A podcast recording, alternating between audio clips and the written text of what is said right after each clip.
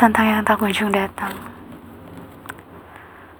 Hari-hari masih dilewati seperti biasa, sendiri dan sepi. Bukan sepi karena tidak memiliki siapa-siapa pun apa-apa, melainkan adanya satu sisi yang mengaku setelah sendiri, kehadiran siapa pun seakan-akan tidaklah menepati peran yang penting.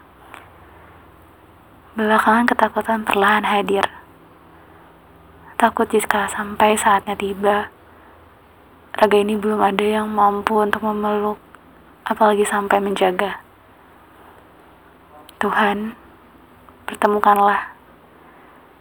Ada doa yang terangkai dalam tenang dan diam.